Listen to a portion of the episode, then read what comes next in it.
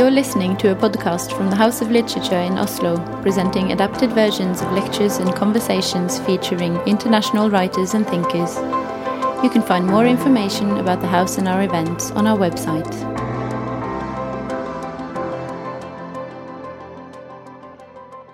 What is the role of art? Should art be pure and not related to ethical or political issues? These are questions the world renowned American author Joyce Carol Oates has explored through a long life, both as a writer and as a professor of creative writing.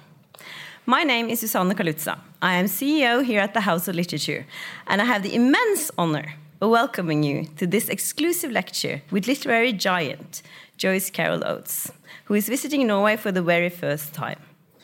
Oates has been a towering literary presence for decades a consistent favorite for the Nobel Prize of Literature, and the author of more than 100 books, many of which have been made available in Norwegian through the wonderful work of the publishing house Pax and the translators Bente Klinge, Tone Formoe, and Hilde Lyng. Through her fiction, Oates has discussed some of recent history's most hotly debated and sensitive topics, frequently portraying institutional racism, poverty, sexism, alienation, celebrity culture, child abuse, and greed, among others. Oates portrays these conflicts as they are seen and felt by ordinary people, and with all their complex layers of identity and culture. At the same time, her career has seen the use of art as a battleground for political agendas, a growing trend in today's political landscape. Perhaps it is no wonder that the role of the author is becoming increasingly political. What then is the role of art? And does the artist have a social responsibility? Oates has made a mark not only as a writer, but also as a teacher, having taught creative fiction at universities like Princeton, Berkeley, and uh, NYU for decades, and as a central literary mentor for writers such as Jonathan Safran Foer and Mohsin Hamid. Oates herself once said, Writers are not only storytellers, they are also witnesses to the world. Oates' literature reveals society's blind spots and makes us see our surroundings in new ways, as only great literature can do. And in tonight's lecture, written exclusively for this occasion, Oates will attempt to locate the biggest threats to a writer's artistic freedom today and what this means for the writer and for literature in general. So I'm so happy and honored to be welcoming Joyce Carol Oates to our stage. Please give her a warm welcome.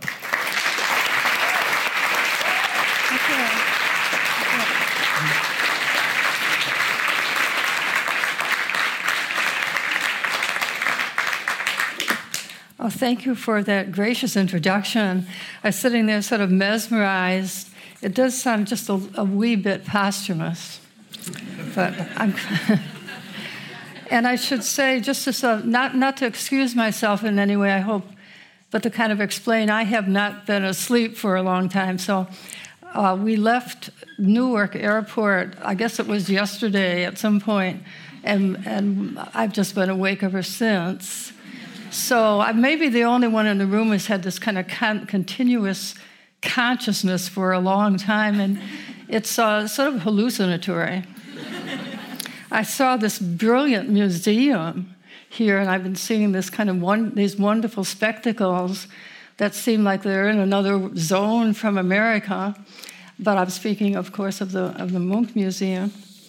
And though I had a whole talk prepared for tonight, I've been so inspired. I've been kind of rewriting and writing ideas in the hotel room. And as I said, it's sort of hallucinatory world when you're awake for so long. You're in a, a, kind of different dimension, I think. But I was so inspired by the beauty of the, the, the, the great, one of the great 20th century artists, Munch, um, his, but seeing the paintings in person in such quantity, it's just extraordinary. It's really kind of a mystical experience. And I was thinking of how uh, what is the role of art, which is sort of more or less the title of, of this talk. I have been working on a um, very informal series of essays on the subject of the faith of the, of the writer. Actually, a book of mine with that title was published maybe 20, 25 years ago, but it's a continuous work in progress. So, like the faith of the writer and uh, conjoining with the uh, idea what is the role of art, I think are things that we think about so keenly. And looking at Munch, whose work is so, so sensuous and so immediate, uh, you can see it it's a little different from reading a book, which is a very subjective and private thing, but seeing the art in, in its communal and collective way with people looking at it, it's just kind of a visionary experience, I think. He, he was a great visionary. But an, a great artist is one whose work is suffused with meaning. So when you look at a painting of Munch, e- even though you don't know exactly what it means or why he chose to do certain things that he does, which are very idiosyncratic and, and special to him. Nonetheless, you feel it's suffused with meaning. It has a strong a spiritual, emotional meaning that kind of emanates out of the conjunction of the, the colors and the, and the figures and so forth. So I was jotting a few notes, and then I'll sort of go into my uh, my talk, which is more prepared. Then I also have the faith of a writer, the first principles. I don't know if I'll get to that. It's uh, probably about 20 different uh, ideas and notions that have come to me over the years. I'm sure there are many writers and poets in this artist, in this audience tonight. So the role of art, what is the origin of art? If you define art as an enterprise of a collective nature, in which individual artists, writers, musicians, and others participate, that seems to me one definition of art. But if you mean by art primarily an individual subjective activity that may never become a career, for instance, that means something else, definitely. So there's a kind of world of art of which a museum is a visible expression and books are visible expressions, the, sort of like the career or even the, the commercialization, the, the product of art, which is what we call by, uh, we mean by culture also. Then there's the inner experience, which can, which can be radically different. And I think for many artists of any era, particularly the 20th century and the 19th century, think of, we think of Van Gogh, for instance, their, expression, their experience of their own art was very different from the experience of other people subsequently. Uh, I think Van Gogh made like less than $100 from his work, and now one of his canvases sells for 100 million.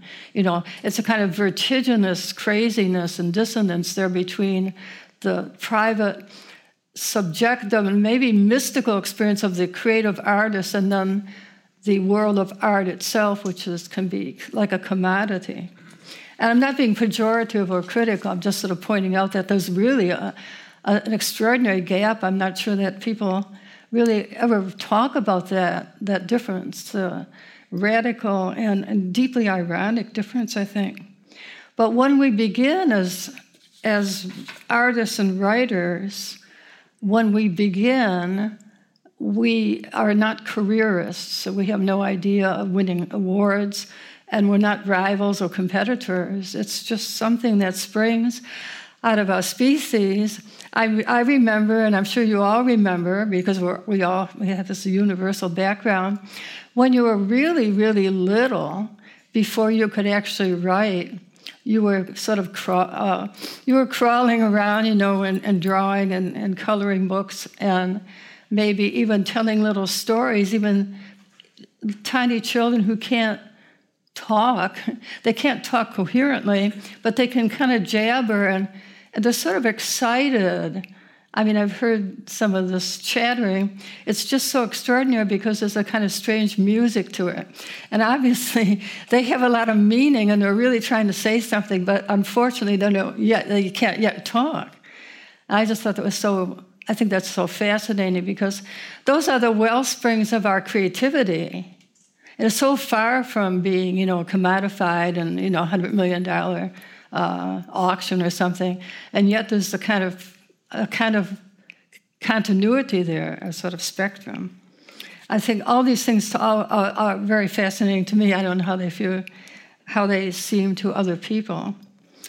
But also with young, with really young writers, we, before I could write, I mean, literally, I couldn't write. I was scribbling with Crayolas, and there are these pages and pages, entire notebooks that my mother kept, which is really embarrassing when people came to interview me.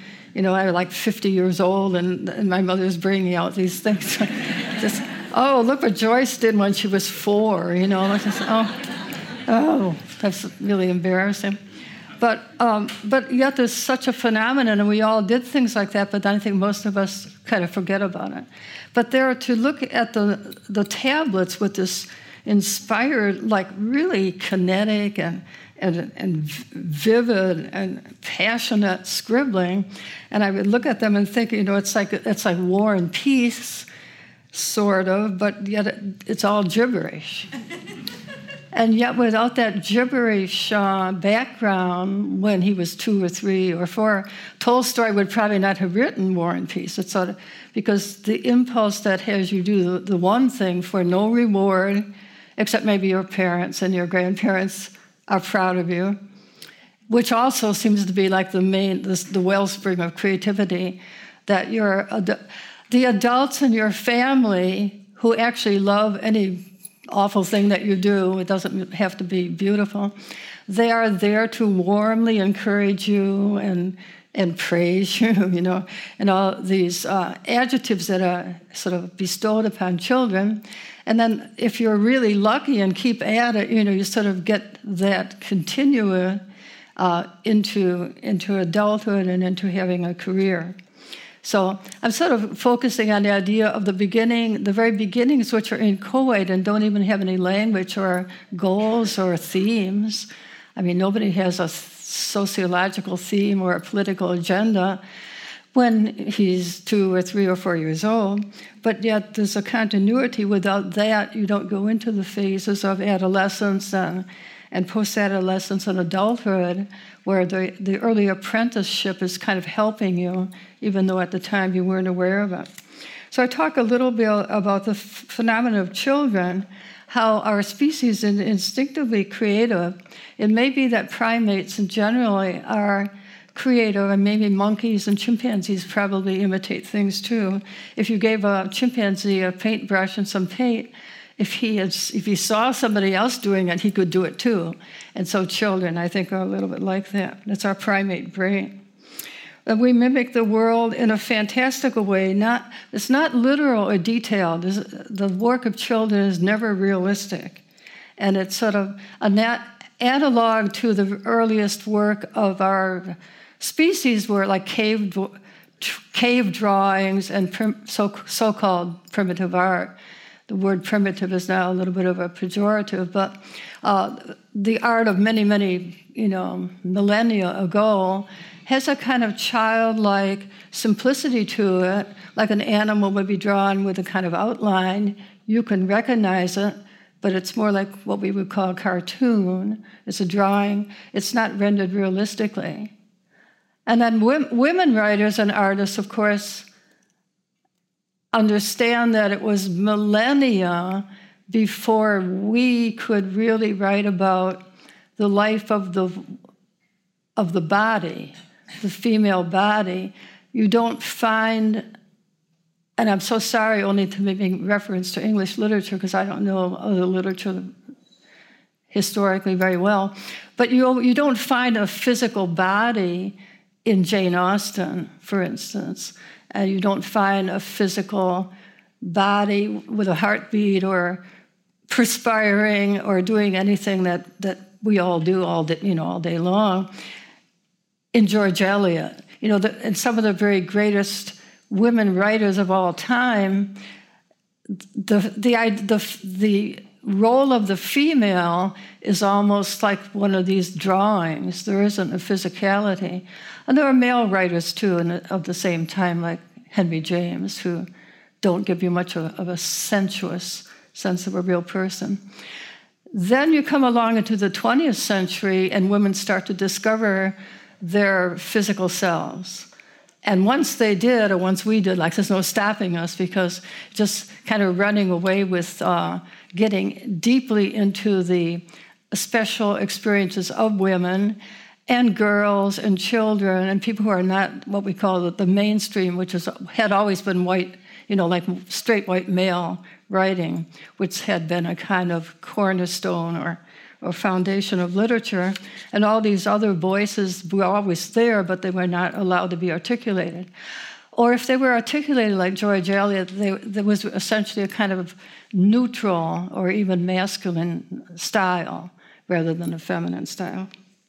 I remember when Doris Lessing was publishing like the Golden Notebook uh, many decades ago now. People were really shocked, and men were so disapproving because she wrote about lots of physical things that women experience normally, very normal women, and, and the men critics were so offended. The same with uh, critics in America of Anne Sexton, the great confessional poet, and Sylvia Plath they were writing in Maxine Kumin. They were writing about things like childbirth or nursing and or physicality in, in the most uh, kind of tender way, not cynical or malicious or satirical, but kind of just the, the life of the body. And that was seen to be very shocking and offensive for a while. I don't, th- I don't think it is any longer. Just one of those things that there's a kind of evolution. So that I was talking about the children as uh, the art of children being very playful and spontaneous. And I think if you're a writer, I'm sure people in the room are writers, that you, you need to make your work to you playful, spontaneous, maybe experimental and surprising that you may have a solemn, didactic political agenda. You can be very serious and moral and ethical, you know, but at the same time, in the form of the fiction, in the use of the language and the kind of musicality of the language, you have always to keep that pulse of that creativity. Otherwise, the writing will become somewhat didactic and dry. And uh, most, uh, it's most difficult of all to be a didactic polemical writer if you don't love what you're doing. And you, you can lose the love of what you're doing if it becomes uh, too cerebral. So, keeping in touch with the child inside, I have to say that I've always, I think I've really always done that. The first book that I really that I really remember reading and, and meant a lot to me was Alice in Wonderland and Alice through the Looking Glass, which my grandmother gave me when I was about eight or nine years old. So I still have this book. It's just a few feet away from my desk in Princeton, so I can turn around and kind of see that. I also have a picture of my grandmother on my windowsill. She was very important. She was one of these wonderful grandmothers who nurtured. Then I have a picture of my parents because they also were very nurturing. It's so important to have a household for children where they feel that they that what they do, even though you know objectively it's not that unusual, yet to them it's unusual, and that and they, they need to have this uh, really positive reinforcement. So, beginning my uh, my actual talk, I'm ta- I want to talk a little bit about the the the theory of whether an artist is wounded and that we write a, or create art out of woundedness, or whether it is more like this play, playfulness and spontaneity, or maybe the two of them overlap. Quote, I have been acquainted with the night, Robert Frost says in one of his beautifully nuanced sonnets. I have outwalked the furthest city lights in a dream landscape of self recrimination, where, quote, the time was neither wrong nor right. Uh, Robert Frost was very self uh, uh, critical. He had a lot of reason for that. He wasn't a particularly nice person.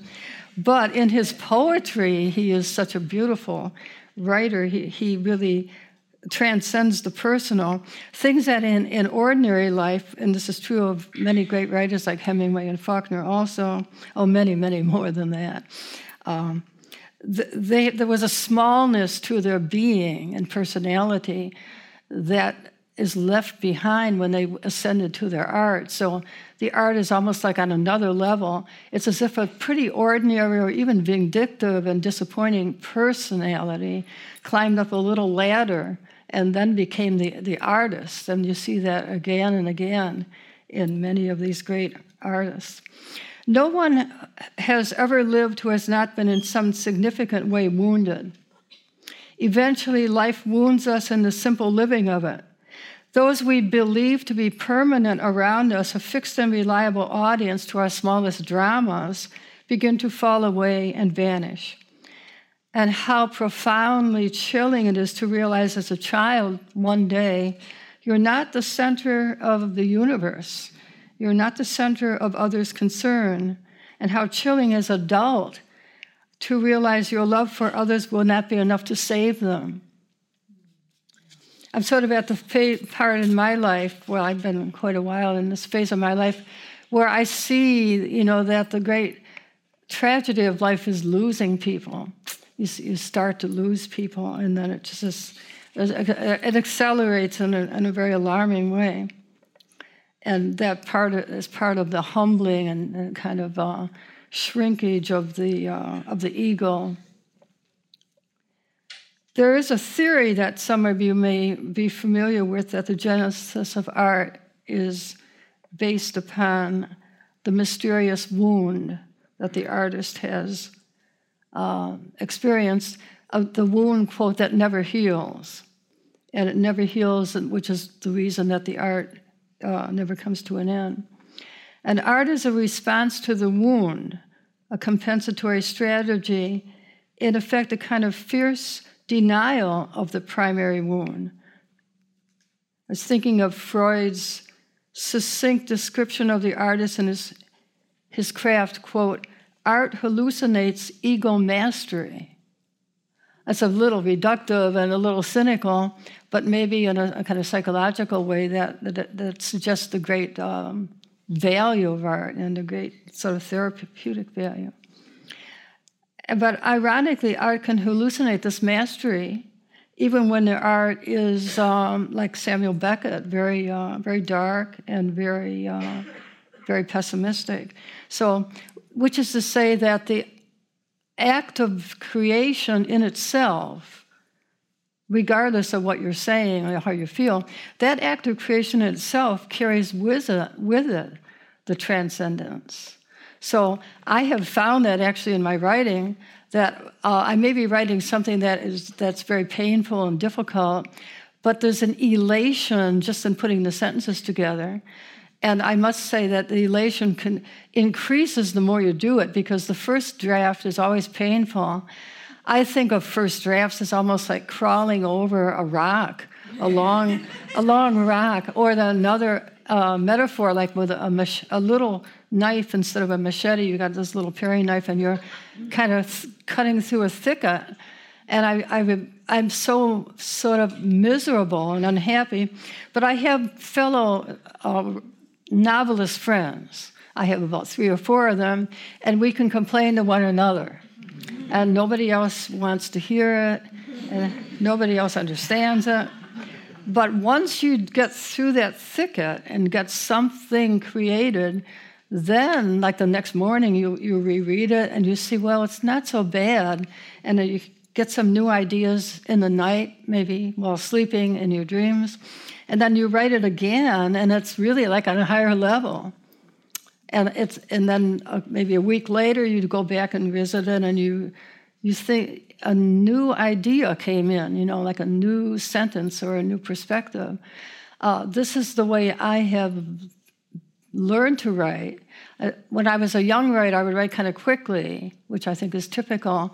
I could write a whole uh, short story at one sitting. I mean Lorrie Moore talks about doing that too things that you can do when you're younger. But then later you can't, so somehow you can't do that.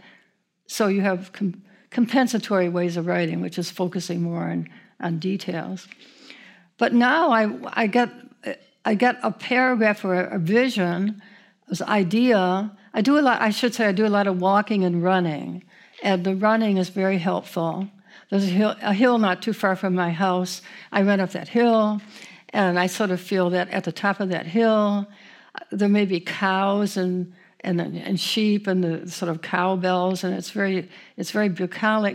And I sort of run up that hill, and I think I'll get an idea at the top of the hill, and sometimes that actually works. You sort of prescribe that. And I have a friend named Greil Marcus, who's considered one of the very best rock and roll critics in America. And Greil Marcus, for every day of his life, I actually walked with him a couple of, a few times. Every day of his life, he gets up early and he goes to a small mountain near Ber- in Berkeley, California. It's like a big hill, or it could be called a small, really small mountain. It's called Panoramic Hill. And every day, and he walks up that hill every day. And then he walks down where he's parked his car. He often has his wife with him, maybe has a dog with him.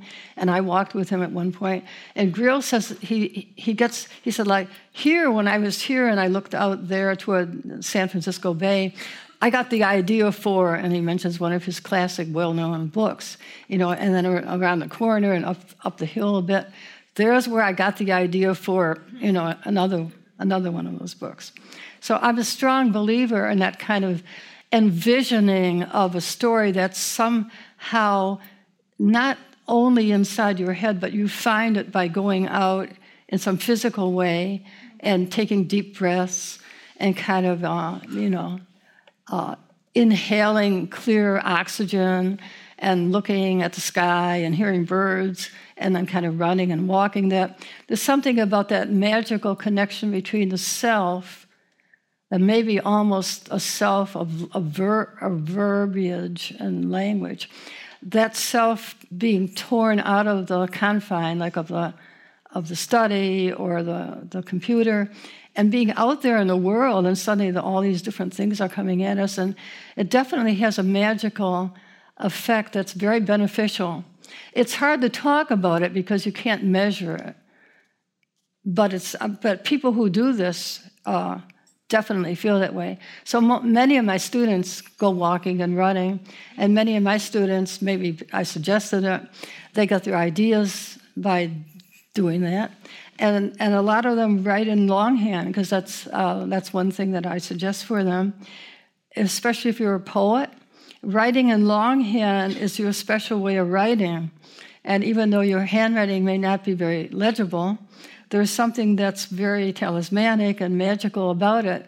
So it's like a special language. And you write your poem or you write your dialogue for your novel in, your own handwriting and then take it to the, to the laptop.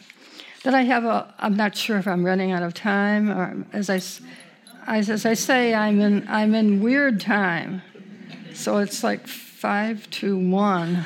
um, I don't know, that's one in the morning or, or one at night, but anyway, um, yeah.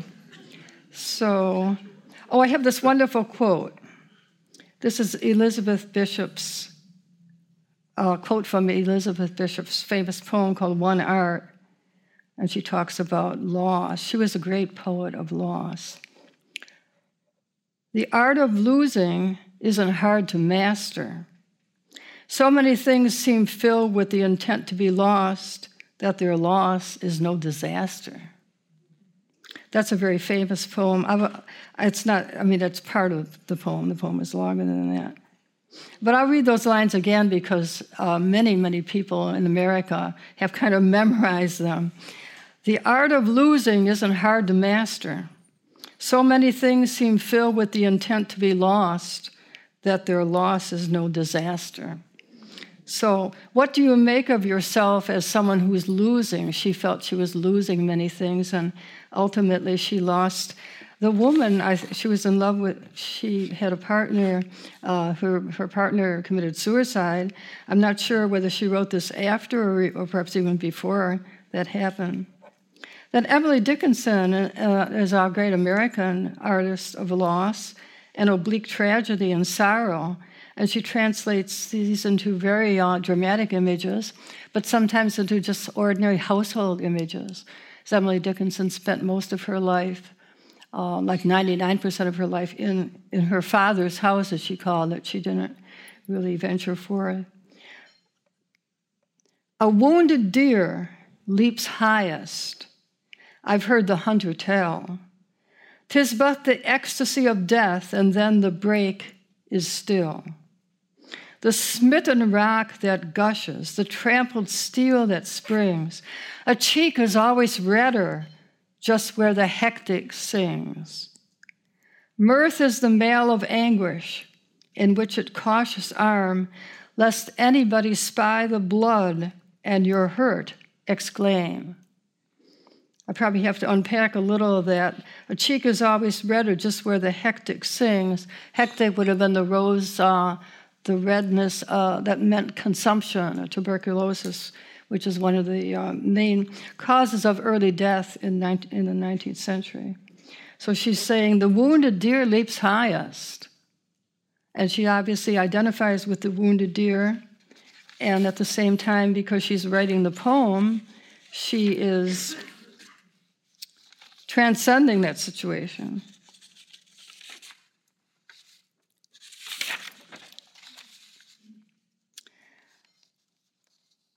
Yet most people don't cultivate an art to compensate for woundedness.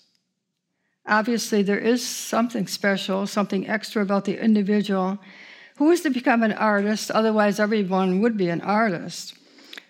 The, uh, I think the difference between the amateur artist and the professional artist is that the amateur is very content with the pleasure of creating their art but is probably not going to have a nervous breakdown about it or really get you know polemical or too invested in it.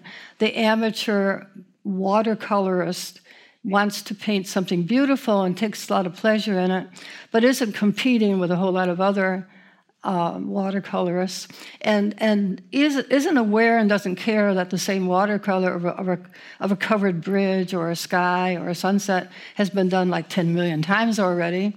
Uh, if you're a professional, serious artist and you're a visionary artist, you don't want to do the same thing that 10,000 or 10 million other people have done. So that's the difference between the amateur and the professional. So the one can take a lot of innocent childlike pleasure in what he or she's doing, but the other is in this realm of a kind of neurotic anxiety about um, trying to create something original. Little children always create original things because their scribbles and scrawls are original. But if, but in a kind of general sense, all most children do art that looks like you know every every other child's. It's only when you get into um, adolescence, let's say, that you start to become competitive. So, what does that mean? Taking your subjectivity to another level, where you start to be you start to be competitive, and you start to be aware of the history of your of your art. It's not just that you want to do something, you want to do something memorable that somebody else will care about. But the, my, my feeling is that it's a fallacy to think that, that art is only a consequence of woundedness, or to use a more clinical term, neurosis, or indeed that art has any essential relationship at all with woundedness. It's as likely that art is a sustained and cultivated expression of the child's enormous capacity for playful creation, fantasizing, and storytelling. And so, to me, that is the more, uh, the more true wellspring of art, meaning sheer astonishing energy. Yet there are those who find themselves deeply moved by the woundedness of others, which may be more extreme than their own and more worthy of attention. If art is in some essential way a mirror held up to its time, it's also a distorting mirror. It's not merely reflecting, a simple reflecting mirror. It does not care to present what merely is. Perhaps it's worthy challenge to tell the stories of others. So now I'm sort of moving into one of the motives for, for art and for writing is to bear witness for others or to tell the stories of our, our own ancestors or our families, um, people whom we don't even necessarily know, but whose stories uh, need to be told because the world needs these stories. So I think it's a worthy challenge to tell the stories of others with as much care as if they were our own. It's a variant on the most elemental of ethical injunctions do unto others as you would they would do unto you, which is to suggest that the expression of woundedness may not be traced back exclusively to personal experience. You might, if you're sympathetic, if you have natural concern for others, to see that there are others, many others, who have not your advantages, perhaps, and might require you to be an advocate for them or to aid in those speaking for themselves and, and you know, giving support to them, calling attention to them if they, so that they can tell their stories. Perhaps in the end, it's a powerful story that must be told that is embodied in a, a singular work. And here I give some examples that are really, really singular, unusual works of literature, and yet they become uh, part of the culture. Mary Shelley's Frankenstein you know, she wrote that when she was only 18 years old. She was pregnant. I think she had already lost a child. She had, she had eloped with Percy Shelley, who happened to be married already to another young woman. Uh, these were all teenagers. I mean, it sort of suggests uh, a kind of frantic activity that almost would be outlawed in America today, where people of the age of uh, Percy Shelley and his first wife were basically like high school students. That's like Romeo and Juliet in, in, the classic literature. Anyway, Frankenstein is such an extraordinary and truly unique work of art, but it's, on, it's such an iconic work at this point in history that many people know what the Frankenstein's creature looked like. Kind of this monstrous creature whose face could sometimes be very uh, sorrowful and, and tender looking. He's not supposed to be a monster. Mary Shelley doesn't call him a monster. She uh, calls him the creature. Um, but that it, the phenomena of that kind of art is that you have created out of your own subjectivity a figure that now is in the world as if it were autonomous. There are probably, I would guess, 90% or 99% of people who know who Frankenstein is, or they think they know, and they, they recognize the image, they have literally no idea that this was from a novel written by a young woman in the early 20, uh, 19th century, and that she wrote it under great duress. She had a good deal of um, emotional insecurity and she was she was in a world where she could have been she could have been rejected at any point by Shelley as he had rejected his first wife. The first wife was only about 15 or 16 when they got married. Then when he ran away or he eloped with Mary Godwin, um, the first wife committed suicide. And I think that her baby had died also. So these are all sort of hedged around with great tragedy. So if the more you know about Frankenstein as a novel, the more you see all these meanings are suffused within it. But if you don't know anything about it, you react to it in a very different way. Then another example I give is, is Harriet Beecher Stowe's Uncle Tom's Cabin, which I, I won't go into because it's not part of uh, your culture very much, but you all know that was uh, an extraordinary novel that galvanized people in America uh, for the abolitionist cause to help bring an end to slavery. Uh, slavery would have been ended in any case eventually, but definitely this novel accelerated it. So, when a work of art can have that effect on human beings, that is truly extraordinary. I speak as one who was not romantically wounded into art, but rather looked up from my life, from the protective aura of my family, and saw in a near vicinity of our farm life in western New York State a long time ago, the lives of children my age and the lives of their families.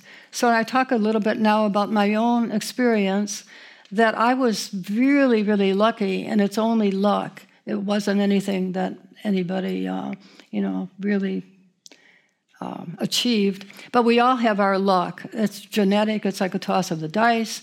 You get born into a family that, that loves you and wants you.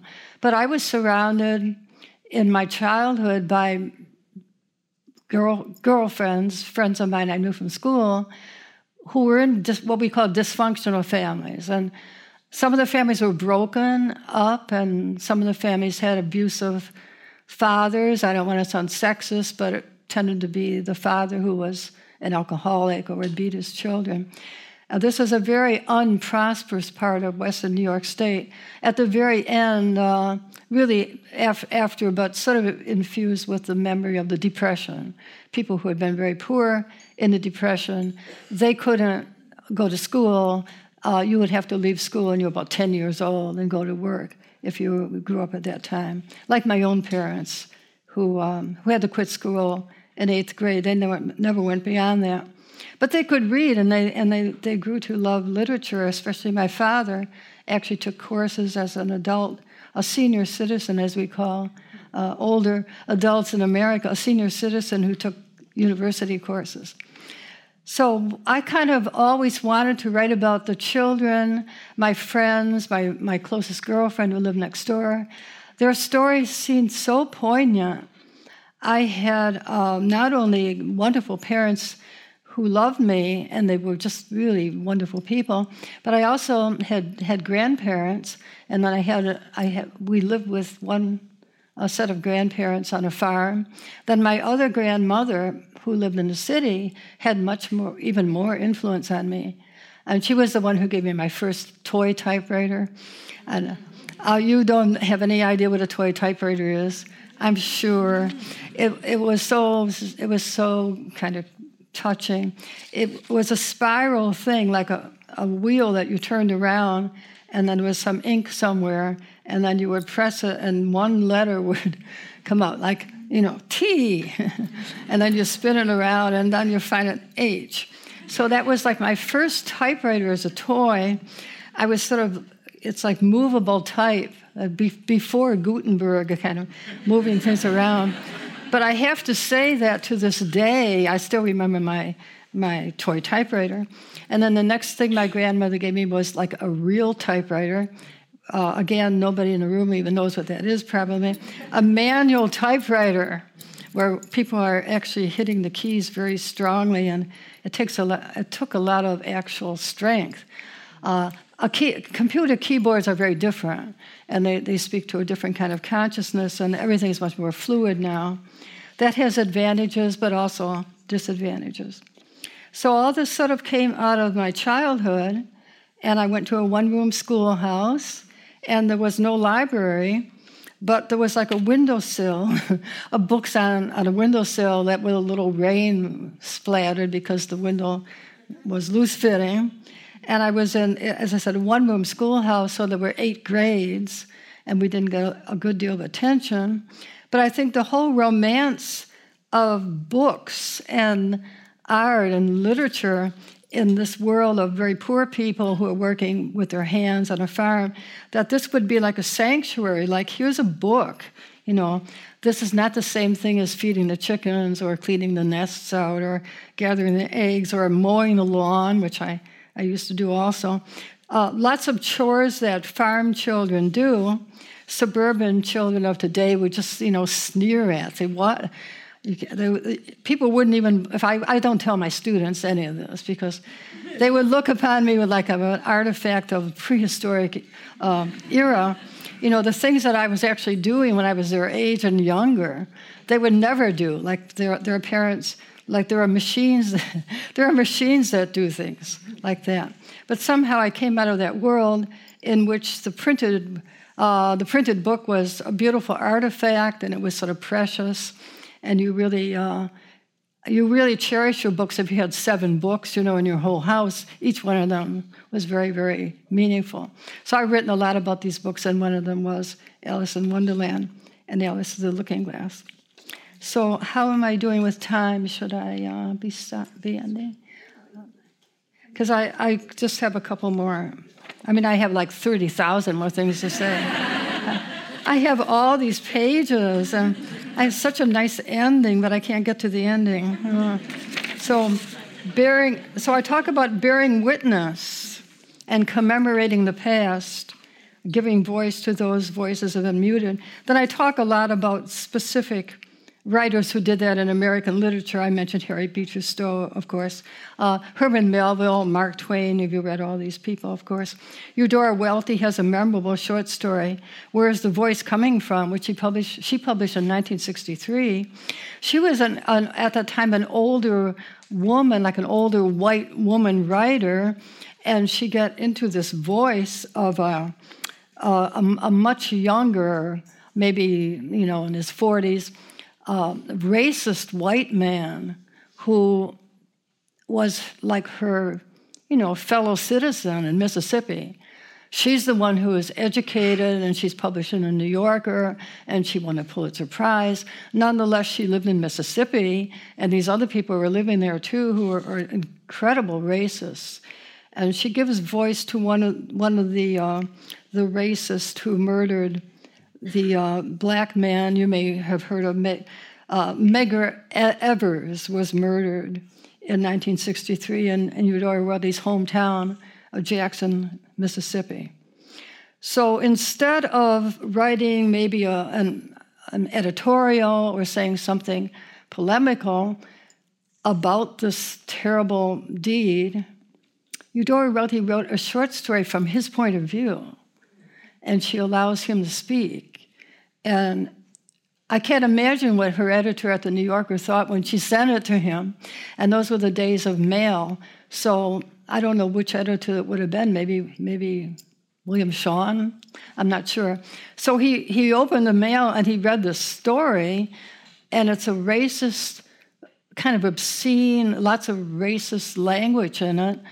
And it's actually a beautiful story, and it has a very interesting um, narrative movement, kind of surreal, and then he gets to be almost uh, weird, weirdly prophetic. And the murders, and she, she doesn't shy away from the murder. She puts the murder in there, and then she has an, an ending. So I give all this example as how you could write. You can write about something radically different from yourself if you have the craft and spend time at it and meditate.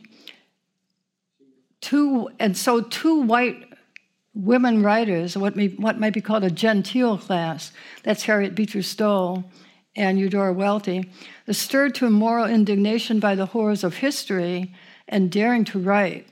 Those are just two examples, and there are many, many more. So I talk about Dickens, I talk about Upton Sinclair, uh, Theodore Dreiser.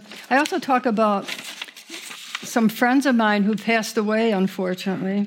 Robert, oh, Toni Morrison, obviously. Toni Morrison, looking back to the narratives of enslaved people, especially women, and her, her classic novel, Beloved, which is a great work. And Edgar Doctorow, who wrote about the uh, atomic bomb spies Ethel and Julius Rosenberg in the book of Daniel. Um, Ed Do- E.L. Doctorow is a very great American writer and a historian.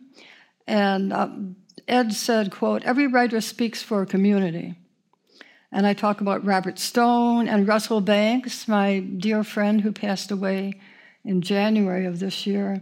Uh, Russell Banks is a wonderful historian and commentator of American life. His great novels are Continental Drift, Cloudsplitter, The Darling, and Lost Memory of Skin. Then there's John Edgar Wideman, a black writer, um, a scathing indictment of what he calls the American darkness. I talk about Louise Erdrich, William Faulkner, Susan Straight, and, and others. So I think I'm just going to come to an end here. So I talk about the social involvement of the writer, but springing from that early childhood and kind of becoming more uh, more conscious, and then, but then I say um, maybe bearing witness and being in the world is not the only thing that a writer can do. Uh, quoting Milton's sonnet on his blindness, which ends with the line, "They also serve who only stand and wait." So there's an art that isn't activist and doesn't conspicuously bear witness to social and political conditions. Uh, this is an art that aspires to beauty in itself, the beauty of pure form. It may be deeply personal, but it's universal. It may be oblique and direct, subtle, an art that can be bold, even brazen, revealing intransigent truths in ways that are not obviously political or historical. So the best example probably would be Emily Dickinson in comparison with Walt Whitman. Walt Whitman did write about real things and about history and the Civil War. Emily Dickinson, his contemporary, wrote about the small, private, um, you know, the tragedies and beauties of the human heart. She sometimes would have a little allusion to the Civil War, but there's nothing, nothing more than that. Then I quote uh, Wallace Stevens' poem, of 1937, The Man with a Blue Guitar. They said, You have a blue guitar. You do not play things as they are. The man replied, Things as they are are changed upon a blue guitar. Which I think is so brilliant. In this way, the world is not captured or reported upon, but mirrored.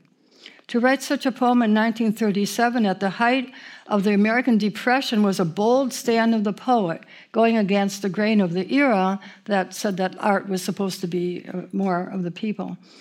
It was Stevens who once allegedly stood up at a literary gathering to make the statement, quote, I've been asked to speak of the social obligation of the poet. He has none. He's getting a lot of trouble today for saying that. Also, the word he is a little loaded. They have none. Well, this is a provocative remark, but it's the essence of the artist to be individual and stubborn and rebellious and ungovernable.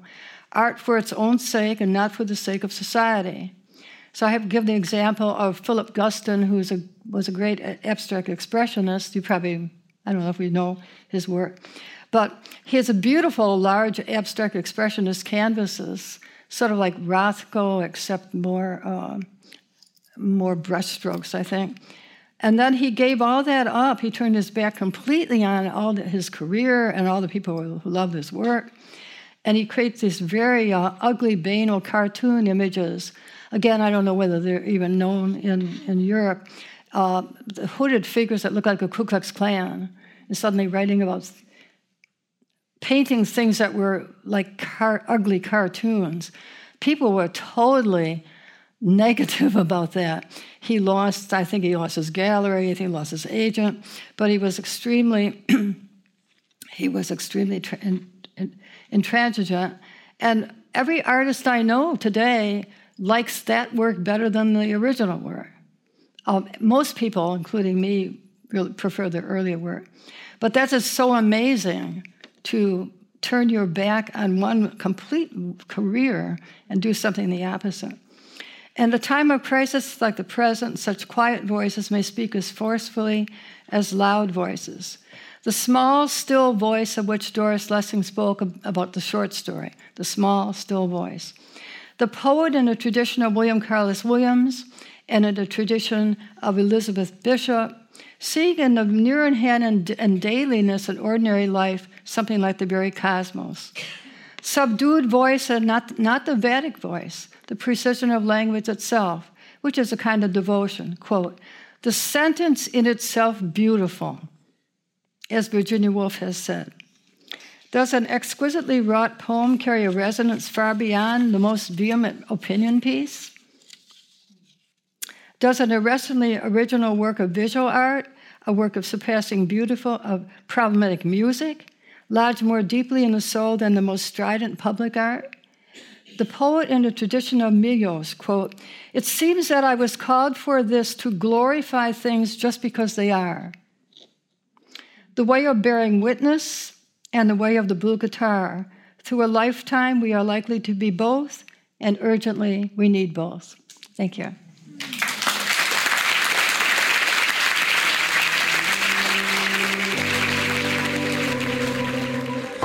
You've been listening to a podcast from the House of Literature in Oslo, presenting adapted versions of lectures and conversations featuring international writers and thinkers.